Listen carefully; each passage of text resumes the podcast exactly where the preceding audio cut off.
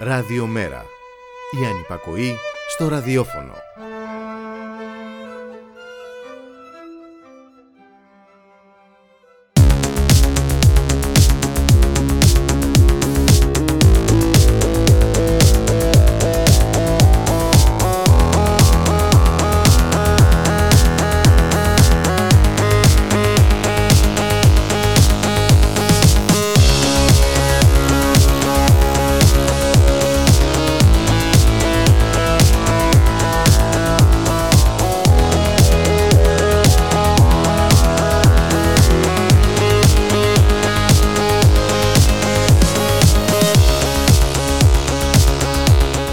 Ξεκινάει, γεια σας να πούμε πρώτα και ότι ξεκινάει και το απόψινό παραλαφούσι με την Πάολα Ρεβενιώτη στην αρχισυνταξία ο Τάκης Κουρκουρίκης και στον ήχο ο Γιώργος Νομικός. Απόψε στο στούντιο έχω τη χαρά, μεγάλη χαρά, να έχω καλεσμένο τον Άγγελο Παπαδημητρίου. Ένας πολύ αγαπηλός καλλιτέχνης και τον γνωρίζω πολλά χρόνια. Να σου πω βρε Άγγελε, μια που είμαστε παλιά, παλιές καραβάνες για οι δυο μας. Ε, πώς ξεχωρίζεις κάποιον ότι είναι γκέι; Α, δεν θα σου το πω Παόλα μου, θα σου το τραγουδήσω σε στίχους του Παυριανού. Γιατρέ μου έχω μεγάλη αγωνία. Πείτε μου, πότε κανείς είναι γκέι;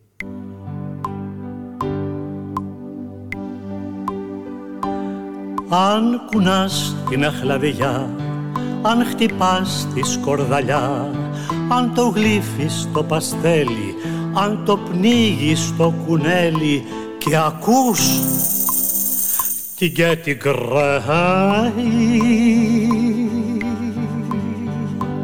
τότε φίλε είσαι γκέι. Αν το πίζεις το τυρί αν το σβήνεις το κερί αν σηκώνεις το σακάκι, αν κρεμάς το κουρτινάκι και η μάνα σου σε κλάει. Τότε φίλε είσαι γκέι. Αν απλώνεις τραχανά αν γουστάρεις τα ξινά αν σηκώνεις το σαπούνι, αν το βάζεις στο τακούνι και σου αρέσουν οι αρχαίοι. Τότε φίλε, α, είσαι γκέι. Αν μαζεύεις τις ελιές, αν τις τρως τις εφταλιές Αν ζυμώνεις το πιφτέκι, αν το ψήνεις το τσουρέκι Και ο νους σου είναι στα πάγι τότε φίλε α, είσαι γκέι αν μασάς τον ταραμά, αν τον κόβεις το κύμα αν τον τράχανα απλώνεις, αν την κρέμα κανελώνεις και σε κράζουν σοφράει τότε φίλε είσαι γκέι αν λαδώνεις με ντεσέ, αν τον σκίζεις τον χασέ, αν γυαλίζεις φινιστρίνι, αν καβάλησες δελφίνι και ο κώλος σου σε καίει, τότε φίλε είσαι γκέι.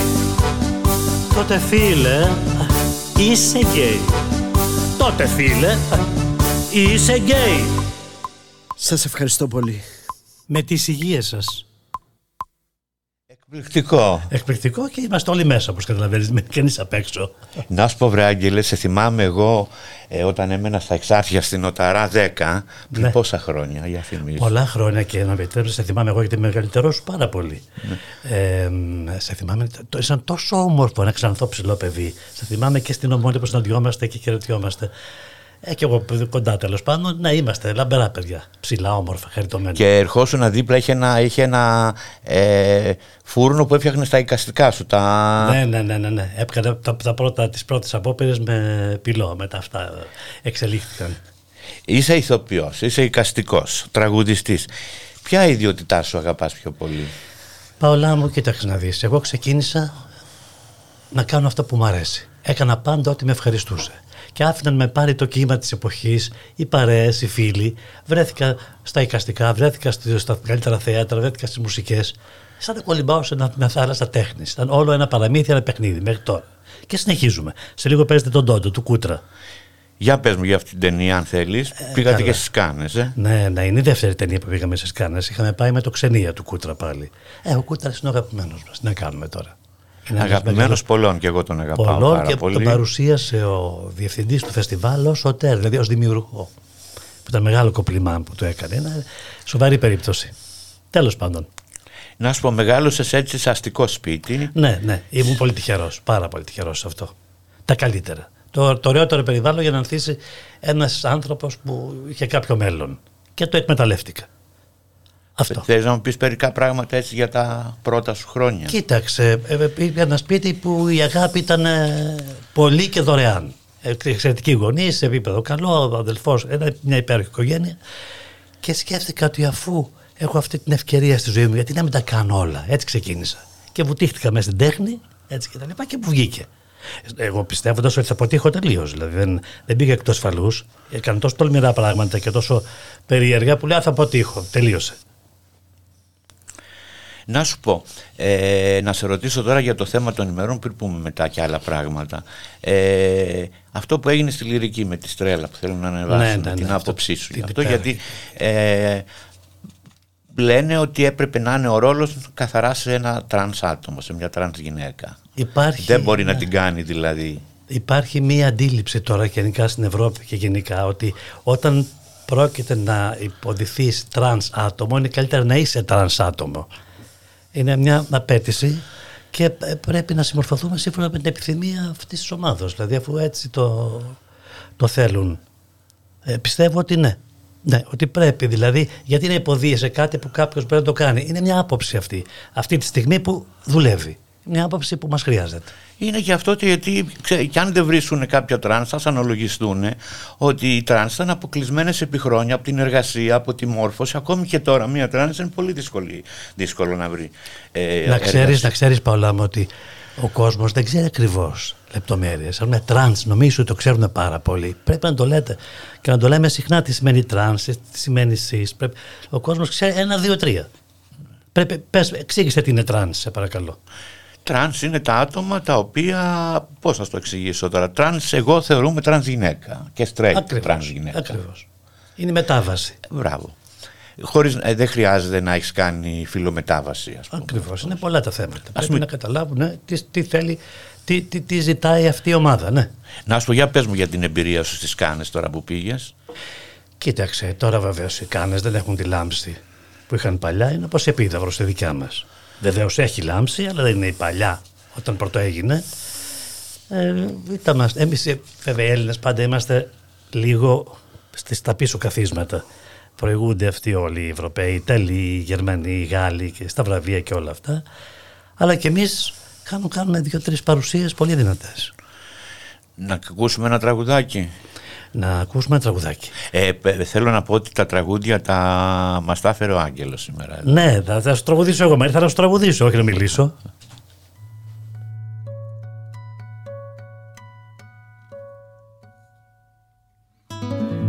Βασιλιά μου αέρα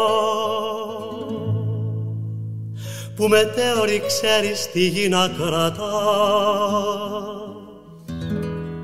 δέηση κάνω εγώ μεγάλε πατέρα. Τις νεφέλες να φέρεις και μην αλλοκριμένες ψηλά τις κρατάς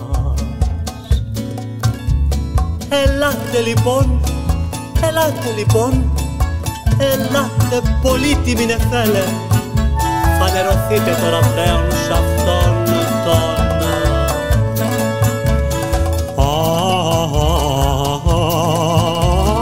Αν εις τον ήλον υδρεύεστε με τας χρυσάς λαγίνους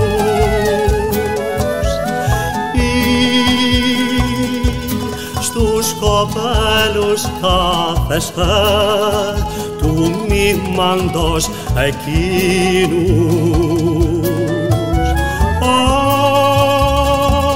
Αν στη τη λίμνη παραμένετε δεχθείτε την παράκληση τη δέηση αυτή και εμφανιστείτε χαίρουσε στον αιών φοιτητή. Ελάτε λοιπόν ελάτε λοιπόν, ελάτε, ελάτε πολύτιμη νεφέλε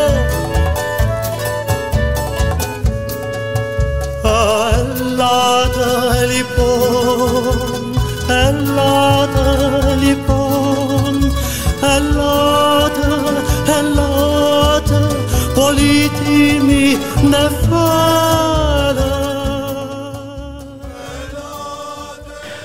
Αυτό το τραγούδι είναι από την παράσταση Νεφέλες που σκηνοθέτησε ο Ανδρέας Βουτσινάς στο Κρατικό Θέατρο Βορειοελλάδος και είναι από την Επίδαυρο.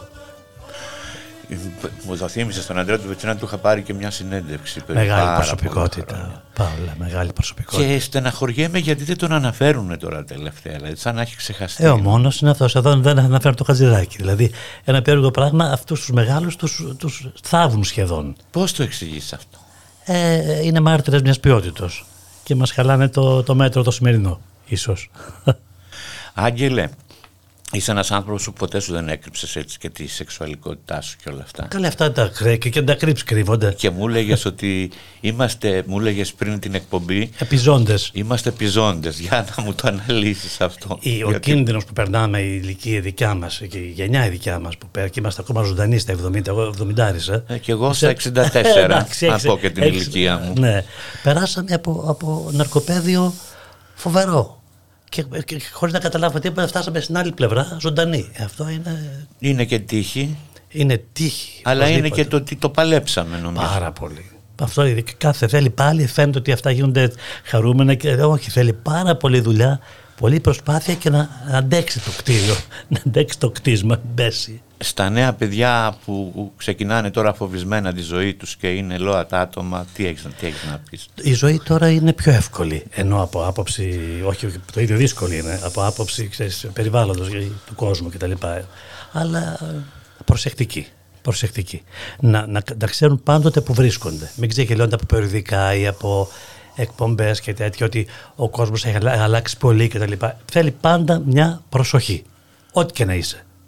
Αγόρι, κορίτσι, θες προσοχή. Είναι πιο δύσκολες οι εποχές σήμερα από πιο πριν γιατί υπάρχει και, μου- μου- μου- και εμένα με συναντάνε στον δρόμο και μου λένε Παόλα πιο παλιά ήταν πιο ωραία, πιο ε, ευχάριστα τα πράγματα στο θέμα της ελευθερίας που είχαμε και όλα αυτά.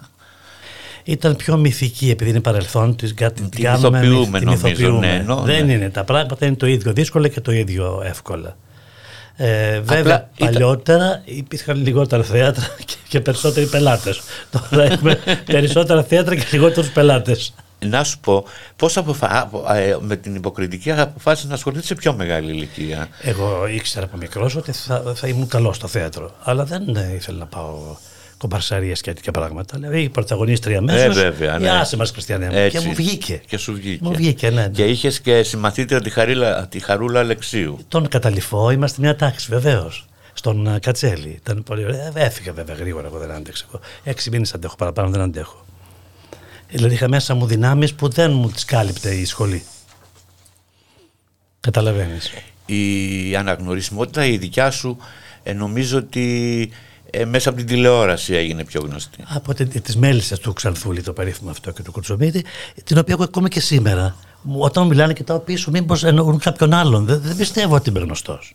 Επειδή έχω ζήσει με μεγάλους στάρ και ε, τη Μαρινέλα σε ε, εκπομπές, σε τηλεοπτικά που έχουμε κάνει και πραγματικούς, εγώ νομίζω ότι την Αλεξίου, τη Χαρούλα. Εγώ νομίζω ότι κατά λάθος, όταν μου λένε ναι, εγώ είμαι, δηλαδή δεν, δεν το έχω πιστέψει ακόμη. Έχω μέλλον. Έχεις μέλλον. να ακούσουμε άλλο ένα τραγουδάκι.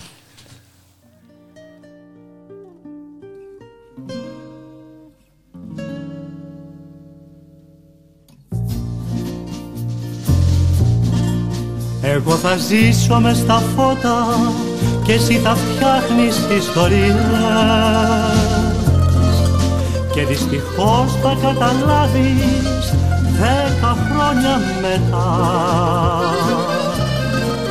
σε φαριασμένα γεγονότα χαμένες ημερομηνίες.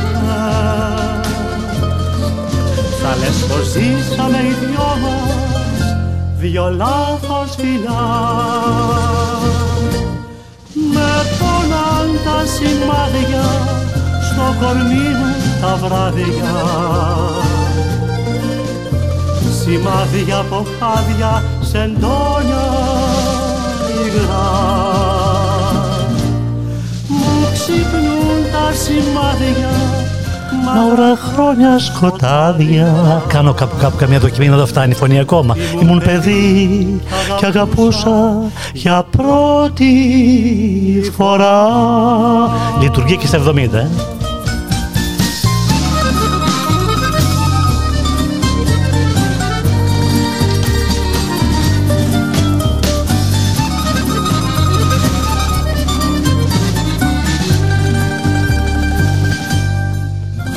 Εγώ θα ζήσω μες στα φώτα, τα φώτα διάλεξα για πλάνη.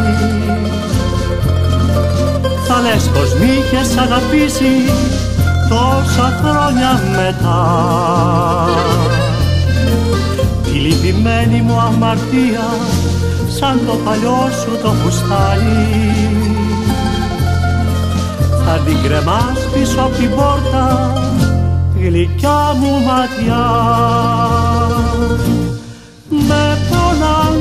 σημάδια στο κορμί μου τα βράδια.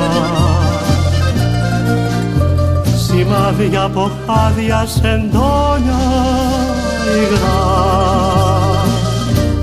Μου ξυπνούν τα σημάδια μαύρα χρόνια σκοτάδια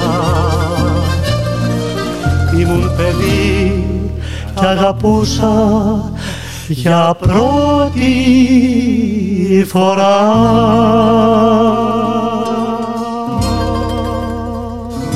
Λειτουργεί. Λειτουργεί. Ε, αυτό το τραγούδι είναι από τις μέλισσες του Κουτσομίτη και του Ξανδούλη. Μου είπες πάλι προηγουμένως ότι ό, όσοι περνάμε τα 60 και έχουμε επιβιώσει θα φτάσουμε άλλες δυο ζωές. Βέβαια. Μετά με στα γερά κόκαλα. Καλά αυτοκινηστικό μόνο. Ε, Να σου πω, για πες μου για αγαπημένους ηθοποιούς και ταινίες.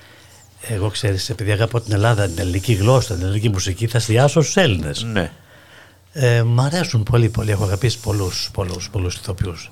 Λατρεύω τους Έλληνες ηθοποιούς και τους παλιότερους και τους νέους. Α. Για πες μερικούς από τους παλιότερους. Ε, οι μεγάλοι κομικοί μου αρέσουν εμένα. Όπως είναι ο Αυλονίτης, όπως είναι η Βασιλιάδου, η Βλαχοπούλου. Αυτοί οι θεοί. Και, και άλλοι που δεν φαίνονται μπροστά. Η Λίλη Παπαγιάννη, ας πούμε. Μεγάλες, μεγάλες φυσιογνωμίες. Και από την νεότερη πάρα πολύ. Πάρα πολύ. Φίλοι μου περισσότεροι είναι και συνομήλικοι σχεδόν. Hollywood δεν αγάπησες καθόλου ιδιαίτερα. Από μακριά. Από Ήταν μακριά. κάτι που δεν με αφορούσε. Με μ' άρεσε βεβαίως αυτό το πράγμα. Ήταν κάτι σαν να συμβαίνει σε παραμύθι. Η ζωή είναι εδώ. Έχεις πει στο παρελθόν ότι πολλοί Έλληνες καλλιτέχνες μιμούνται τους ξένους πολύ. Στα εικαστικά, ναι. Στα Γιατί εικαστικά. μιλάω σαν εικαστικός. Ναι. Είπανε ψέματα, δεν τους έφτανε. Οι περισσότεροι, δηλαδή, το λέω με πόνο ψυχής αυτό. Δεν τους έφτανε η ελληνική πραγματικότητα. Είναι πάρα πολύ πλούσια. Είναι ένα, ένα κοιτάσματα μεγάλης αξίας χρυσού. Τσιτσάνι, όλη αυτή μεγάλη. Και κοιτάξαν τώρα και κάναν διάφορα πράγματα έξω τα οποία είναι ψεύτικα. Δεν λειτουργούν, δεν κολλάνε στην ελληνική πραγματικότητα. Η Ελλάδα έχει ένα μέτρο. Έχει μια ποιότητα.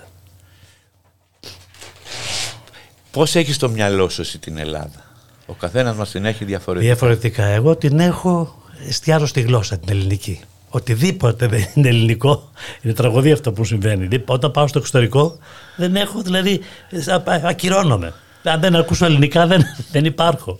Δεν μπορείς, ε. Άστα. Όπως πολλοί Έλληνες αν δεν φάνε σουβλάκι όταν πάνε στο εξωτερικό ή τυρόπιτα. Έλα στανιάρουνε, ναι. Να στανιάρουνε, ε, δεν μπορούν. Ε, έχεις γνωρίσει πάρα πολύ κόσμο στη ζωή σου. Πολύ. Και Για στάθηκα τυχερός πολύ. το Ρίτσο. Ο στρατιώτης της Σάμο, βέβαια. Το Μαυροίδη, τη Βακαλό, υπέροχους ανθρώπους, το Βουτσινά, το μεγάλο Ανδρέα Βουτσινά. Αριστουργήματα. Ηθοποιούς. Ε, και ε, είμαι τυχερός. Οι φίλοι, οι φίλοι. Για μένα οι φίλοι ήταν το, το, το, μεγάλο, το, το μεγάλο ρηχείο. Εκεί πήρα. Παίζει σημαντικό ρόλο η φιλία ανάμεσα στους ανθρώπους νομίζω έτσι. Για Ε, μένα πρώτο. Ο πρώτος. Μάλιστα ο Βοτσινάς μου έλεγε όταν το είχα πει, μου λέει Άχρη Άγγελε, γιατί να μην το καταλάβω εγώ από μικρός ότι το πρώτο είναι η φιλία; Και έμπλεξαμε. Τα άλλα είναι δεύτερα. Πρώτα είναι η φιλία. Σας το λέω και σας το υπογράφω. Ο έρωτας έπαιξε σημαντικό ρόλο στη ζωή σου. Σημαντικό, αλλά έχουμε και δουλειές. Δεν μπορούσα να παρασυρθώ και να με, ε, δηλαδή ζούσαμε. Μετά περιμένοντας μεγάλες αγάπες, ζούσαμε κιόλας. Έτσι είναι. Μεγάλες αγάπη υπήρξαν. Υπήρξαν, αλλά όπως το λέω, είχαμε και δουλειές. Αυτές σε παρασύρουν. Αν είσαι έτοιμος σε μένα με εγωίτευση τέχνη, είχα την τέχνη. Δεν μπορώ να την παρατήσω. Είχα προτάσεις να αφήνει. Δεν πας αφήνεις τώρα, δεν αφήνεις την τέχνη. Για καμιά αγάπη. Στο Κιάτο πηγαίνεις καθόλου. Εγώ πήγαινα σε αυτή την τζιναβωτή παραλία. Τη θυμάσαι την Μας σε τζιναβωτή. είχα δει, αστείευεσαι; Εκεί στην τζιναβωτή παραλία στο... που είναι ανάμεσα Κιάτο και Νεράτζα. Σε ένα ποτάμι, ναι. ναι, ναι. Εκεί, εκεί στο ποτάμι άραζα εγώ, ξανθούλα. εκεί με Σε μια έβλεπα, πετσέτα. ναι, πολύ νόστιμη. Ναι, ναι, ναι, ναι. Και Αλλά και πι- πολύ σοβαρή. Ναι. Ε, νομίζω ότι χωρούν για να κάνεις μπάνιο, δεν κάνεις τίποτα άλλο. Τι σιγά καλά, αφού πήγαινα εκεί γιατί υπήρχαν τεκνάκια Δεν τα είχα γύρω δει ποτέ γύρω. αυτά. Που τα έκανες δεν μπορώ να καταλάβω. Ε, βλέπανε μια ξανθιά εκεί. πάνε, πάνε οι εποχές εκείνες. Ε, να ακούσουμε άλλο ένα τραγούδι; Βεβαίως.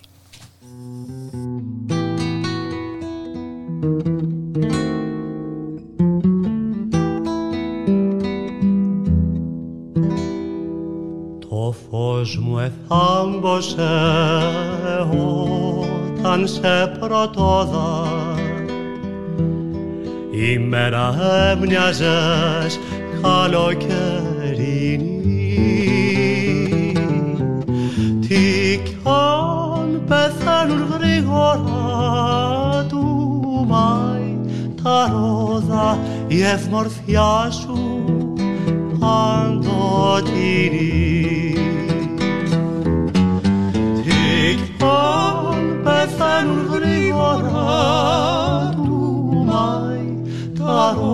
ρόδα η ευμορφιά σου παντοτινή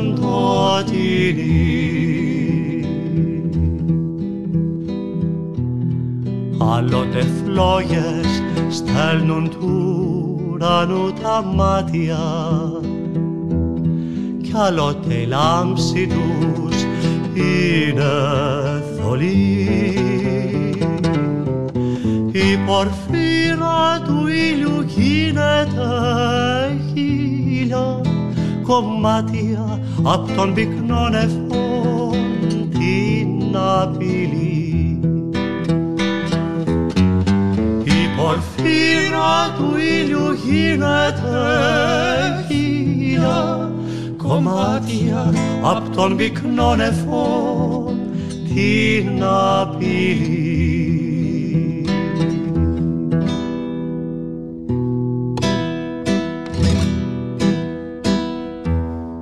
Μα είναι όνειρο το δικό σου καλοκαίρι. Αυτό κι ο χρόνος περπατούν μαζί. Και όσο ανασένουν άνθρωποι και τα γέρι μες στο τραγούδι αυτό πάντα θα ζει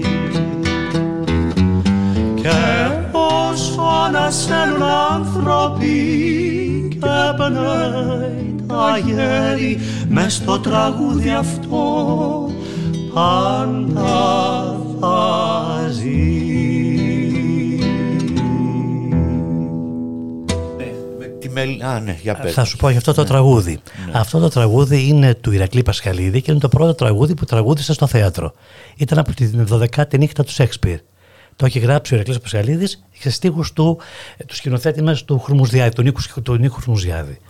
Και θυμάμαι ότι νομίζαν ότι υπήρχε τελικογραφημένο όταν τραγουδούσαμε στην παράσταση κανονικά. Και δεύτερη φωνή κάνει ο Λευτέρης Τεκτονίδης που τραγουδάει τόσο όμορφο όσο και όμορφος ήταν. Ακούκλος, ε. Ε, αφού σου τραγουδάει τόσο καλά, όσο όμορφος ήταν. Να σου πω, τη, Μελ... η- τη Μελίνα την είχες γνωρίσει, έτσι. Τη Μελέτη Τανάγρη. Ναι. η οποία με, η οποία με, αυτή με, με, με έσπρωξε βγήκα στο θέατρο. Με αυτή μου λέει δεν πάμε μια περιοδία στα 40 μου. Και πήγαμε και άνοιξε ο δρόμος και έπαιξε. Έτσι, το χρωστάω πολύ της Μελίνα. Η πρώτη φορά που ανέβηκε στο Σανίδη πώς ήτανε. Δηλαδή, Εγώ κοίταξε, ε, ε, στο Σανίδα σαν έχω γεννηθεί στο Σανίδι. δεν σε πείραξε καθόλου. ε; Καθόλου, 40 χρονών έλεγα Α, και έγινε. Μα δε- όταν δεν σε νοιάζει γίνονται τα πράγματα. Άμα τα παλεύεις και τα θες πολύ και σκοτώνεσαι, ε, άμα τα αφήνεις, έρχονται. Είναι το, το, το ένα μάθημα που έχει δώσει η ζωή. Ε, έχεις λάμψεις, βρε παιδί μου, έχεις ταλέντο και Ω, σε σιγά. αγαπάει και ο κόσμος. Κοίταξε, γιατί δεν φυλάγομαι, όχι από θέμα χαρακτήρας, να μην προσβάλλω τους ανθρώπους. Δεν μου αρέσει να προσβάλλω, να, να είμαι υβριστικός. Τα θέλω λίγο να είμαι λίγο μαζεμένος, όπως οι παλαιοί. σαν ένα σύστημα καλών τρόπων που είχαν και οι παλιοί άνθρωποι. Έχεις δίκιο. Ε, κάτι μου έλεγες για τον ταξί ότι ήθελες. Σου έλεγα επειδή είμαι μεγάλος θαυμαστής του έργου του ταξί και επειδή ξέρω ότι γνωρίζετε πάρα πολύ, γνωριζόσασταν και είσαι ο μόνος που ξέρεις τόσο, η μόνη που ξέρεις τόσο καλά τον ταξί. Πρέπει να γράψεις κάτι για τις λεπτομέρειες αυτές, για όλη αυτή τη ζωή. Το οφείλει αυτό. Και μου το είχε πει ένα βράδυ, όπως ήμουν εγώ στο αυτοκίνητο και ήταν απέναντι, μου λέει: Θα τα γράψεις, Μωρή. Ναι. Όλα αυτά. Εντάξει, δεν. Όχι εντάξει, είναι, πραγματικά αυτό στο, στο, ε, θέλω να το, στο, το λέω πάρα πολύ σοβαρά. Ποιος θα μιλήσει, γιατί μιλάνε άνθρωποι που δεν. Ε, σαν, σαν ας πούμε, και βλέπω και μιλάνε άνθρωποι που καν το, δεν τον είχαν γνωρίσει καν και λένε ότι τον είχαν γνωρίσει. Ναι, τέλος πάντων. Μιλάμε, να μιλάμε. Αλλά εσύ μπορεί να κάνεις ένα υπέροχο πράγμα να, να, να κλειστείς πει κάνεις και αυτές τις υπέροχες ταινίες και όλα αυτά τα πράγματα. Εντάξει, δεν κάθεσαι. Αλλά σε κάποιο διάλειμμα να κάνεις ένα βιβλίο για τον ταξί. Να λέγεται Ο ταξί και εγώ. Θα το κοιτάξω. Θα το κοιτάξω. Που είναι και... ταξιστικό τίτλος. Επί μερικές εβδομάδες είχα περάσει από το τελευταίο του σπίτι και ήταν πολύ συγκινητικό γιατί στην πόρτα είχαν αφήσει κάποιοι λουλούδια. Ε, ναι, ναι. Και ήταν πολύ συγκινητικό. Λες μετά από τόσα χρόνια ε, θυμούνται αυτά τα πράγματα. Σε βλέπω καμιά φορά στην Ομόνια που πίνεις εκεί. Στην περίφημη Στάνη, βέβαια. Στη Στάνη. Και σε κέρασα και μοσταλευρία. Τι ωραία μοσταλευρία, το αγαπημένο μου γλυκό και ψάχνω να βρω μούστο και αν υπάρχει κανένας ακροατής και έχει μούστο να μου στείλει παρακαλώ. Α, φτιάχνεις μόνη σου ναι. μοσταλευρία. Όχι, δεν φτάνω μέχρι εκεί. Εύκολο είναι, μωρέ. Εύκολο είναι. Άγγελε, τώρα έχω να σε ρωτήσω τόσα πολλά πράγματα. Για πες μου, τι θα ήθελες να, να πούμε άλλο στην εκπομπή; Τίποτα, να καθημερινά πράγματα απλά. Εγώ θα σε τραγουδάς ποτέ; Εγώ ναι. νομίζω ότι έχω τη χειρότερη φωνή του κόσμου. Έλα, δεν το πιστεύω. Ναι, νομίζω... Ούτε στο μπάνιο δεν τραγουδάς, δηλαδή. Ε, πολύ ξε, ξενέρωτη. Με ακούω τη φωνή μου και λέω πώς είναι δυνατόν να. Δηλαδή, ε, ούτε ένα ρεμπέτικο δεν λες ποτέ; Λέω, τραγουδά. Δεν έχω φωνή, δεν έχω φωνή. Ντρέπομαι, δεν έχω φωνή. Καμιά φορά ο Κοστέλ όταν τραγουδούσα και έλεγα κάνα τραγούδι, φώναζε σκάσε.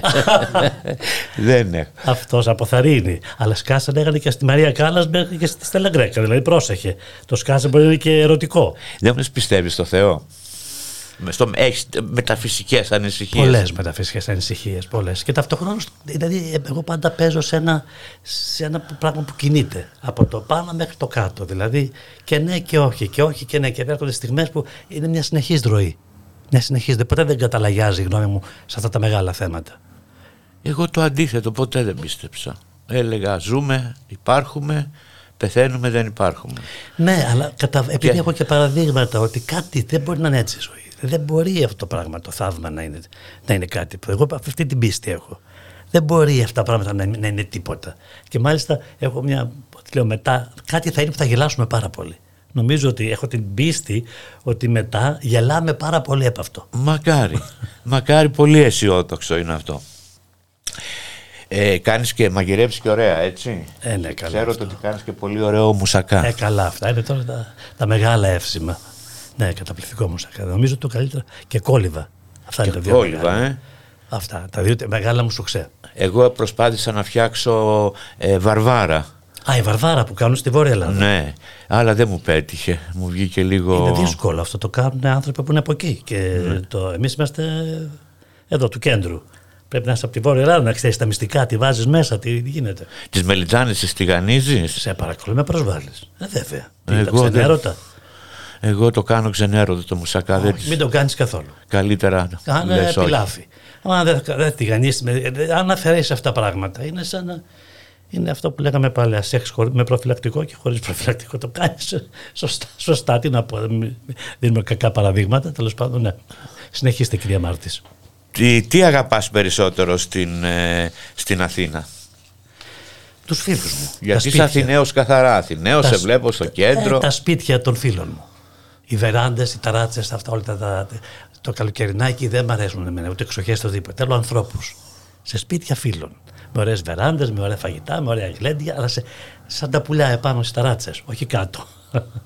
Βρε Άγγελο, μου έχεις φτιάξει καλή τη διάθεση σήμερα. και είχα μια μέρα όλο γκρίνια ήμουνα σήμερα. Να είσαι καλά. Ήμουν έτρεχα από το πρωί για δουλειάς γιατί και ήμουνα μέσα στην γκρίνια. Να βάλουμε ένα τραγουδάκι. Να βάλουμε.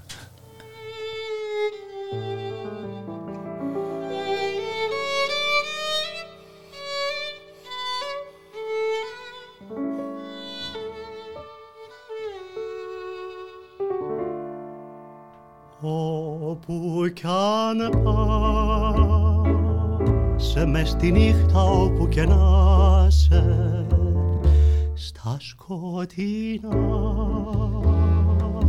τρυφερά θα με θυμάσαι. Και μια βραδιά δεν θα τα αντέξεις στο σπίτι αυτό πάλι θα τρέξεις στο σπίτι αυτό που για χρόνια έχουμε ζήσει. Αν είχες αν μπορούσε να μιλήσεις για να σου πει πόσα βράδια έχω κλάψει πόσο θέλω να σε δω πόσο σ'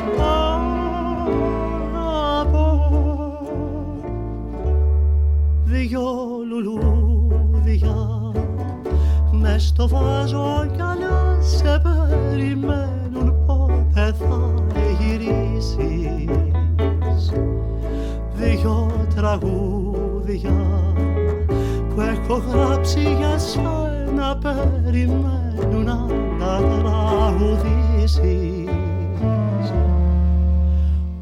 όπου κι αν πας μες στη νύχτα όπου και να σε στα σκοτεινά τρυφερά θα με θυμάσαι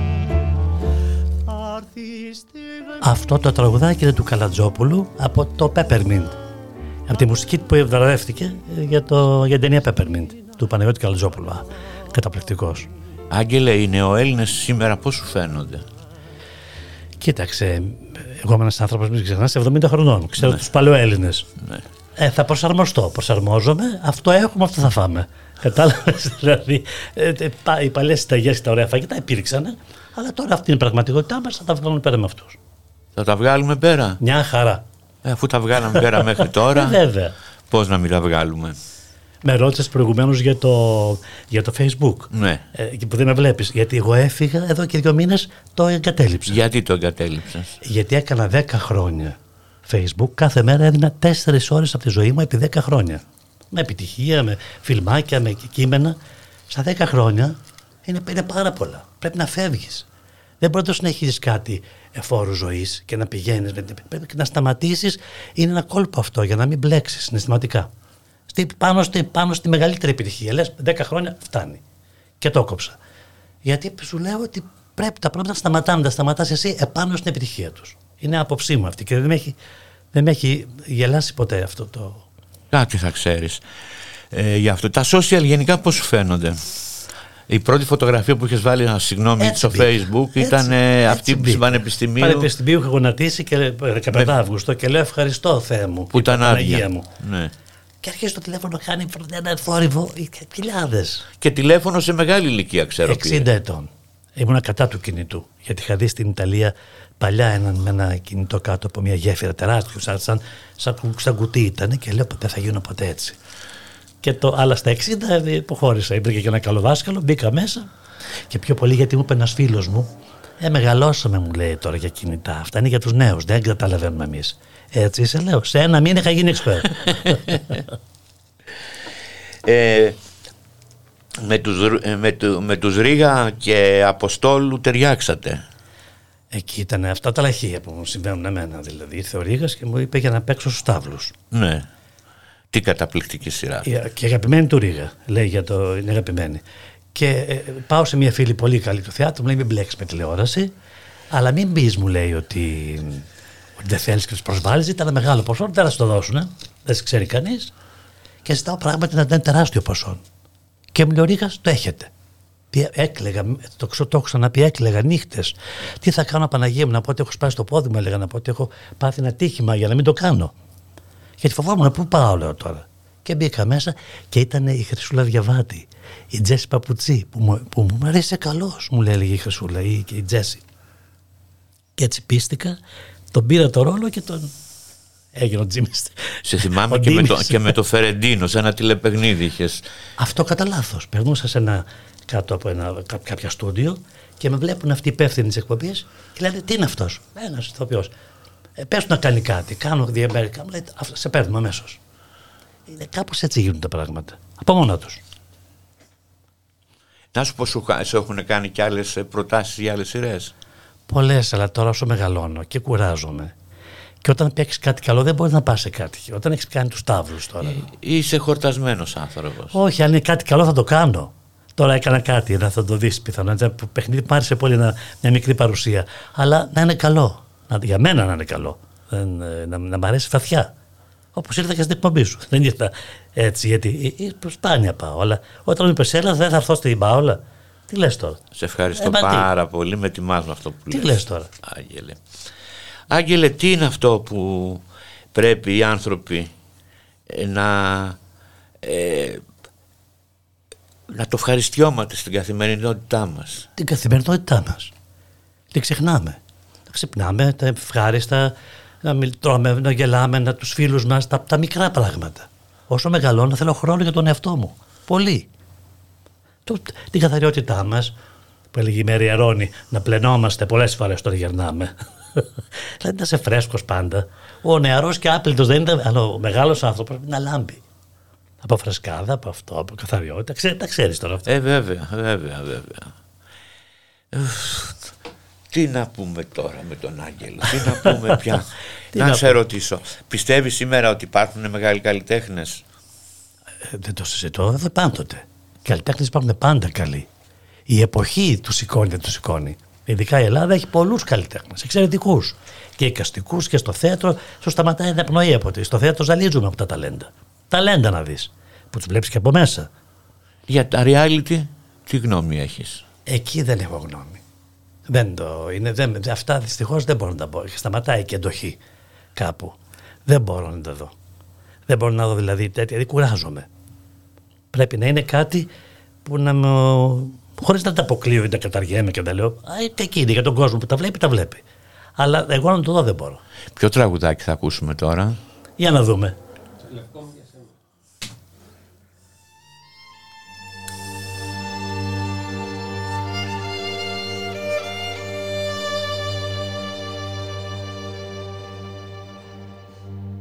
Είναι φορές που χωρίς αφορμή.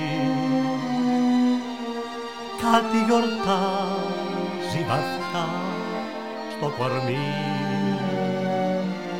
Και ξαναβλέπεις το φως σαν να σου χρόνια τυφλός και ένας αέρας ζεστός για σε μια φορτωμένος φυσάει βουρκωμένος λευκό μου για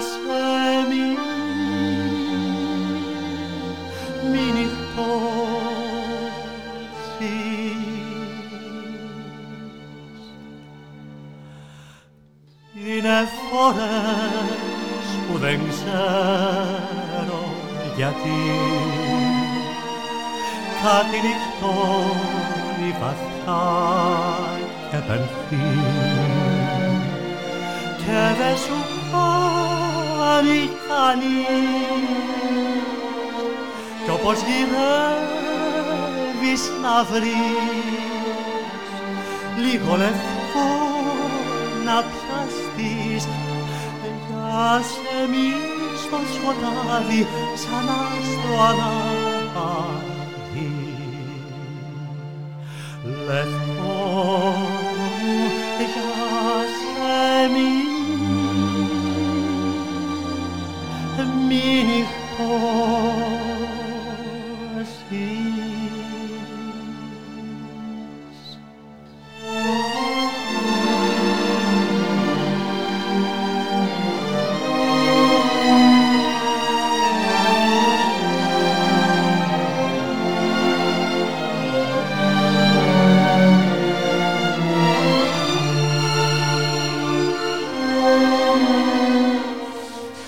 τραγούδι είναι του Παναγιώτη Καλατζόπουλου, το λευκό μου για σεμί και είναι με την ορχήστρα της Πράγας, μαγνητοφωνημένο.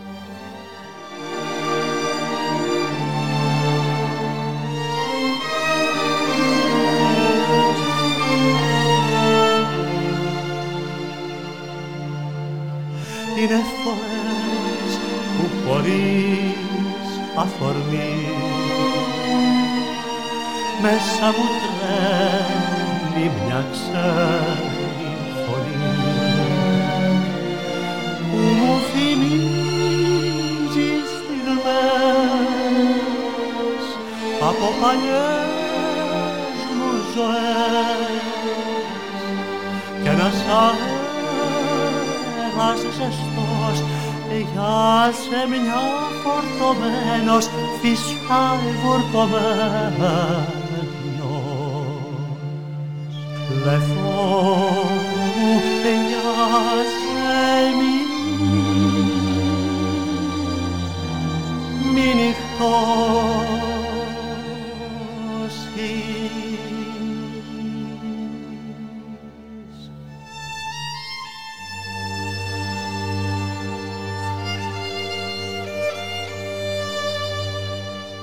Η φωνή σου Θυμίζει έτσι παλιές καλές ε, ρομαντικές και αγνές εποχές.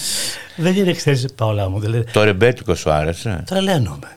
Η σχολή του Μεγάλου Τσαρούχη. Και το ένα και το άλλο. Δηλαδή και ακούω κλασική μουσική και το ρεμπέτικο το, είναι το, το, το δημοτικό της εποχής μας. Για πες μου. Δηλαδή, ας πούμε, όταν λέμε, τραγουδάμε παλιά, θα πούμε Λευκό μου για σε μη.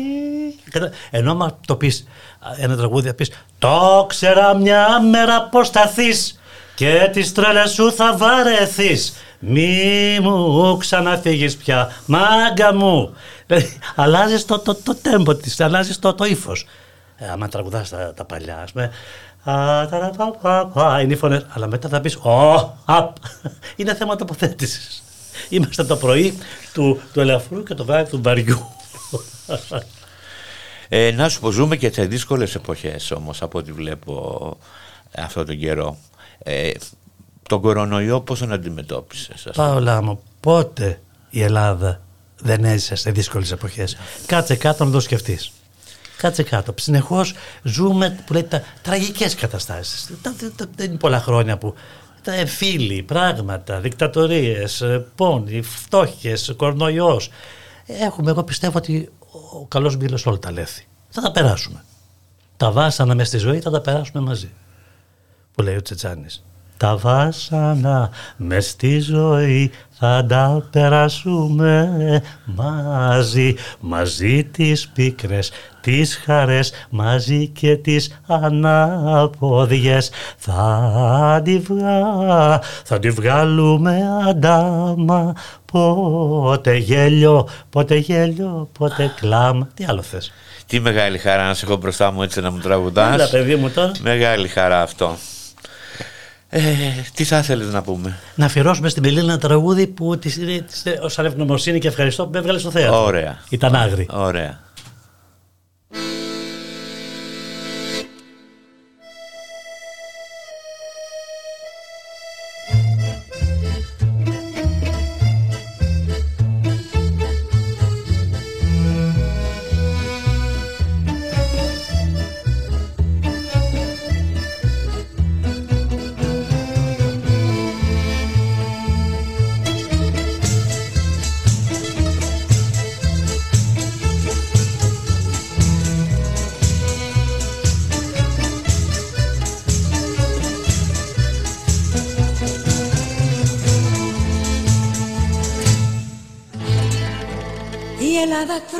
Τα παιδιά της.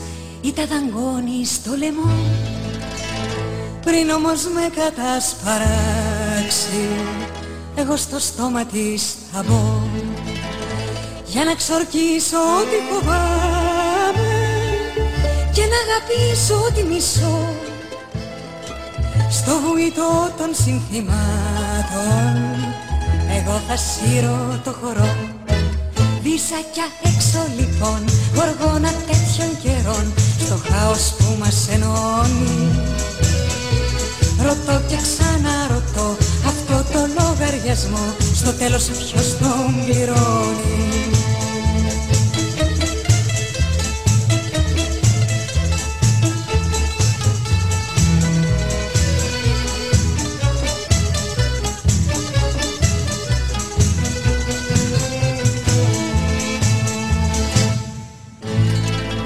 ένα τοπίο σαστισμένο που γέρνει στο τουρκο μπαρόκ.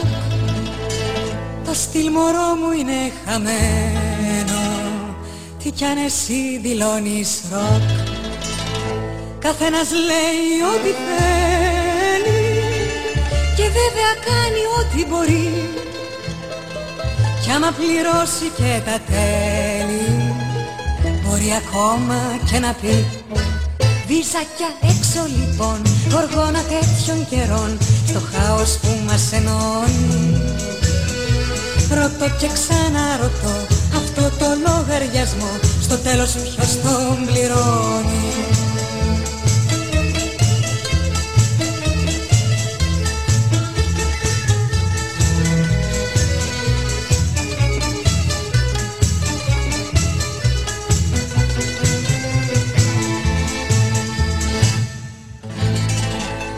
Με χαριτίσμα και μανία και δίχως δίχτυ στο κενό. Άμα χαθείς η ισορροπία να πέσω και να το χαρώ. Να ξεχρεώσω για εδώ κάτω που είναι το τίμημα σκληρό. Στις τρέλας μου το πάνω κάτω άλλα θα χάσω, άλλα θα βρω Βίζακια έξω λοιπόν, γοργόνα τέτοιων καιρών Η βάρκα δίχως τιμόνι Δεν είναι για διακοπές, είναι ένα σήμα SOS Στο χάος που μας ενώνει. Βίζακια έξω λοιπόν, γοργόνα τέτοιων καιρών Στο χάος που μας ενώνει. Ρωτώ και ξαναρωτώ αυτό το λογαριασμό Στο τέλος ποιος τον πληρώνει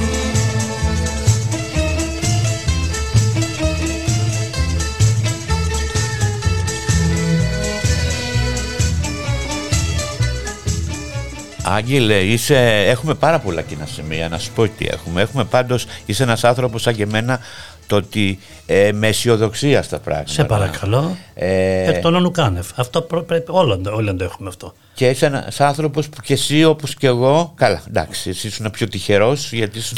όχι, όχι, όχι. Και δυο μου καθένα στο δρόμο του. Και δεν το δέχομαι αυτό το πράγμα. Δεν το δέχεσαι. Όχι, όχι. Εφόσον φτάσαμε εδώ, είμαστε δύο τυχεροί. Από όποιο τρόπο και να φτάσαμε. Κατάλαβε. Όταν μπορούμε μετά τα 60 και διαχειριζόμαστε τον εαυτό μας και είμαστε χαρούμενοι και ζούμε, όπως και να. είναι ε, αγιοποιείται οποιαδήποτε διαδρομή. Δύσκολες εποχές θυμάσαι; Ποτέ. Ούτε τίποτα. Ούτε στρατού, ούτε όλο ευχάριστα. Και εγώ βρε παιδί μου. και Άσε ξέρεις, με τώρα. καμιά φορά με πιάνουν και μου λένε βρε Πάολα Τρανς, ήσουνα στο δρόμο, ήσουνα κατά κραυγές, η κοινωνία σε Αυτό κατακρίνει είναι και όλα αυτό. αυτά και όλα αυτά. Μα Αυτό είναι το μισό. Το άλλο μισό το ξέρουμε. Έλεγε ο Φόρντ. Λέει, ξέρετε, του λέει κάποιος, δίνετε τόσα λεφτά για διαφήμιση της εταιρείας σας. Και του λέει, ξέρεις τι, πόσα είναι τα άλλα μισά όμως. Δηλαδή, όσο περνάς άσχημα, για δες και τα ευχάριστα. Ε, ναι, δεν Μα, το- θε- σε παρακαλώ. Τι κακό πράγμα να, βρει- να θέλουν τους ανθρώπους να ε, βρίσκουν μόνο τις, ε, τα δύστιχα πράγματα της Είναι ζωής. λίγο μόδα το δραματικό στην Ελλάδα. Έγινε εδώ γεννήθηκε το δράμα. Κάνει, κάνει ότι σοβαρός. Δεν είναι δραματικός. Αυτή την περίοδο ε, τι σε κάνει πολύ ευτυχισμένο; Η πραγματικότητα, η, επ- η, η καθημερινή μου πραγματικότητα και φίλοι μου. Αυτή η εξαιρετική αυτή την τύχη που έχω, να έχω εξαιρετικούς φίλους. Αυτό με κάνει. Μεγάλη, είναι πλούτος να έχεις καλούς Ε, φίλους. το, αυτό ο μοναδικός. Το επιθυμίζω πάλι το Βουτσινά. Το υπάρχει μόνο ένα μου λέει. Πες μου ένα καλλιτεχνικό σου απαισθημένο που δεν έχεις κάνει και θα ήθελες να κάνεις. Δεν έχω κανένα τίποτα. Και εδώ να σταματήσει το πράγμα, ευγνώμητρα ευτυχισμένο. Και πολλά έχω κάνει. Σε παρακαλώ. Τι θα πεθάνουμε; Και τελειώνει το. Τελειώνεις. Τα παιδιά τα κάνεις μετά. Μεγαλώ. Σταματάς να κάνεις παιδιά. Κάνεις άλλα. Ε, Ό,τι, ό,τι Η βρέξει. ζωή συνεχίζεται. Και η ζωή συνεχίζεται. Πάντα. ε, ε, ε, ε, πφ, τι καλό πράγμα να, να δίνεις αισιοδοξία στον κόσμο, να φτιάχνεις τη διάθεση των άλλων. Μου αρέσει το φτάνουν και παλαιοί αυτό το πράγμα. Δηλαδή δεν σχόλαστε άλλο τίποτα να τον βαρύνει. Έχει τα προβλήματά του. Θα του φορδώσει τα δικά σου. Εμείς που είμαστε λίγο έτσι, μας ευνόησε λίγο η τύχη για κάποιο λόγο. Ε, Α δώσουμε και λίγο στους άλλους τώρα. Έτσι ακριβώς είναι. Έτσι ακριβώς είναι. Θες να σου βάλω το πρώτο πορνό τραγουδάκι που γράφτηκε στην Ελλάδα; Α, ναι. Το τραγούδισα για το Φίβο. Μου λέει ο Φίβος έκανε στην ταράτσα ναι. και το τραγούδισε και το, το συμπεριέλαβε στο δίσκο του. Για να το ακούσουμε. Είναι το καλαθάκι το περίφημο και είναι για την Παρθενογραφή. Να, να το ακούσουμε.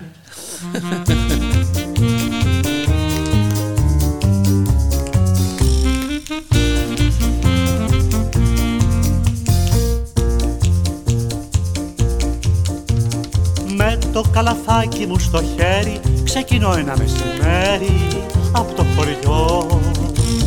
Τραγουδούσα με χαρά και κέφι και στη χώρα με περιμένει ξαδέρφη Μαριό Μα στο δρόμο ένας λίστης που ξέρει με αρπάζει από το χέρι και μια και δυο με πετάει με πίκα σε ένα βλάκι και μου κάνει το φτωχό μου καλαθάκι ρήμα δυο.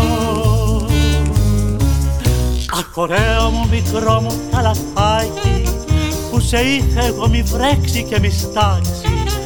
Σε ρημάξανε, σε σπάσανε πω πω Αχ του μπαμπά και της μαμάς πώς θα το πω.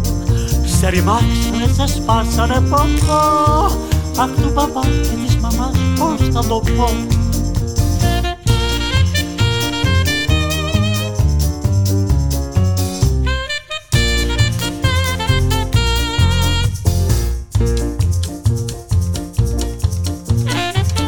ξαδέλφη μου η αγαπημένη σαν με είδες συγχυσμένη μου λέει τι κλαις καλέ σκούπισε η γλυκιά μου τα ματάκια οι ληστές έχουν σπάσει καλαθάκια σε πολλές θα σε πάω σε έναν μάνι μάνι που στα καλαθάκια κάνει επισκευή. Να προσέχεις το εξής να μάθεις να φυλάγεσαι να μην την ξαναπάθεις σαν τα ζει. Αχ ωραίο μου μικρό μου καλαθάκι που σε είχε μη βρέξει και μη στάξει. Σε ρημάξανε, σε σπάσανε παπά Αχ του μπαμπά και της μαμάς πώς θα το πω. Σε ρημάξανε, σε σπάσανε παπά Αχ του μπαμπά και της μαμάς πώς θα το πω να κάνουμε και άλλη εκπομπή, να μου έρθεις πάλι κανένα βράδυ. Θέλεις, παιδί μου, γειτονιά είμαστε. Να σου πω, έχεις και μια γατούλα, ε. Ε, χωρίς και 11 καναρίνια.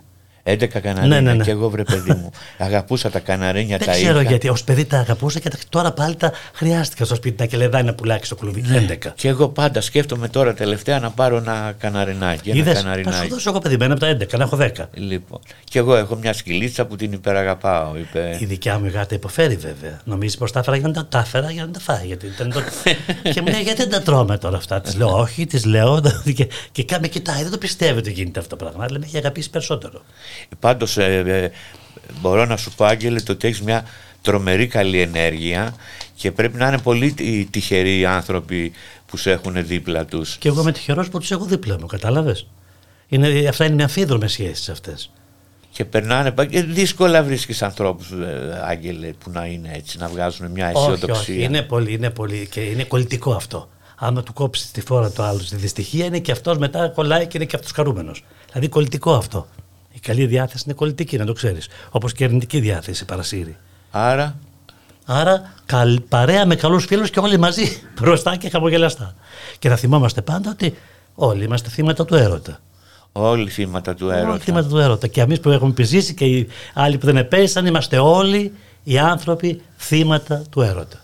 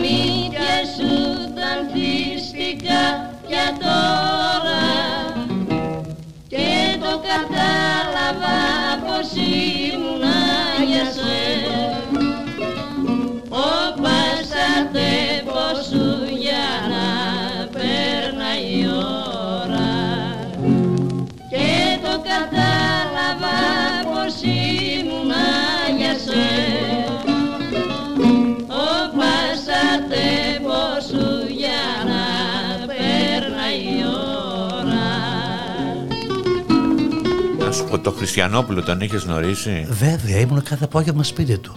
Όταν ε, δούλευα στο θέατρο στη Βόρεια Ελλάδα. Και είχε ανοίξει κάθε απόγευμα. Μου λέγανε Πώ θα δέχεται, είναι δύσκολος. Αμέσως. Κύριε Παπαδημητρίου, θα έρχεστε όποτε θέλετε. Τα τελείωτα απογεύματα. Και θυμάμαι ότι όταν έβριζε κάποιον, μετά έλεγε κάτι. Δεν κάνει από μόνο με τα άσχημα, έλεγε κάτι καλό. Κατάλαβες; Ποτέ δεν έλεγε ένα κακό μόνο του.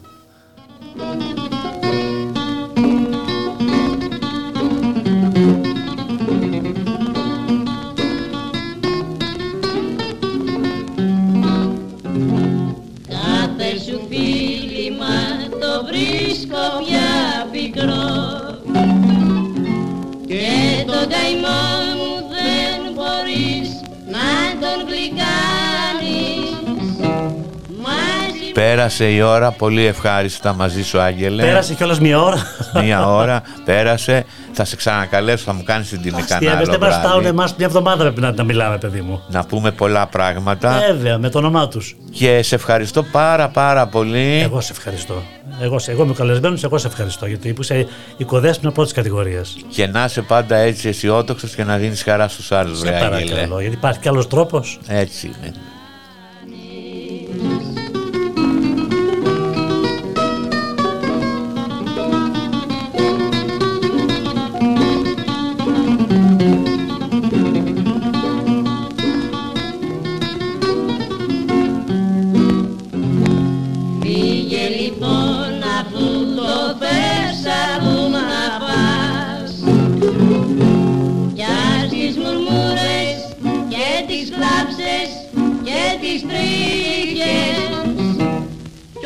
Κι όταν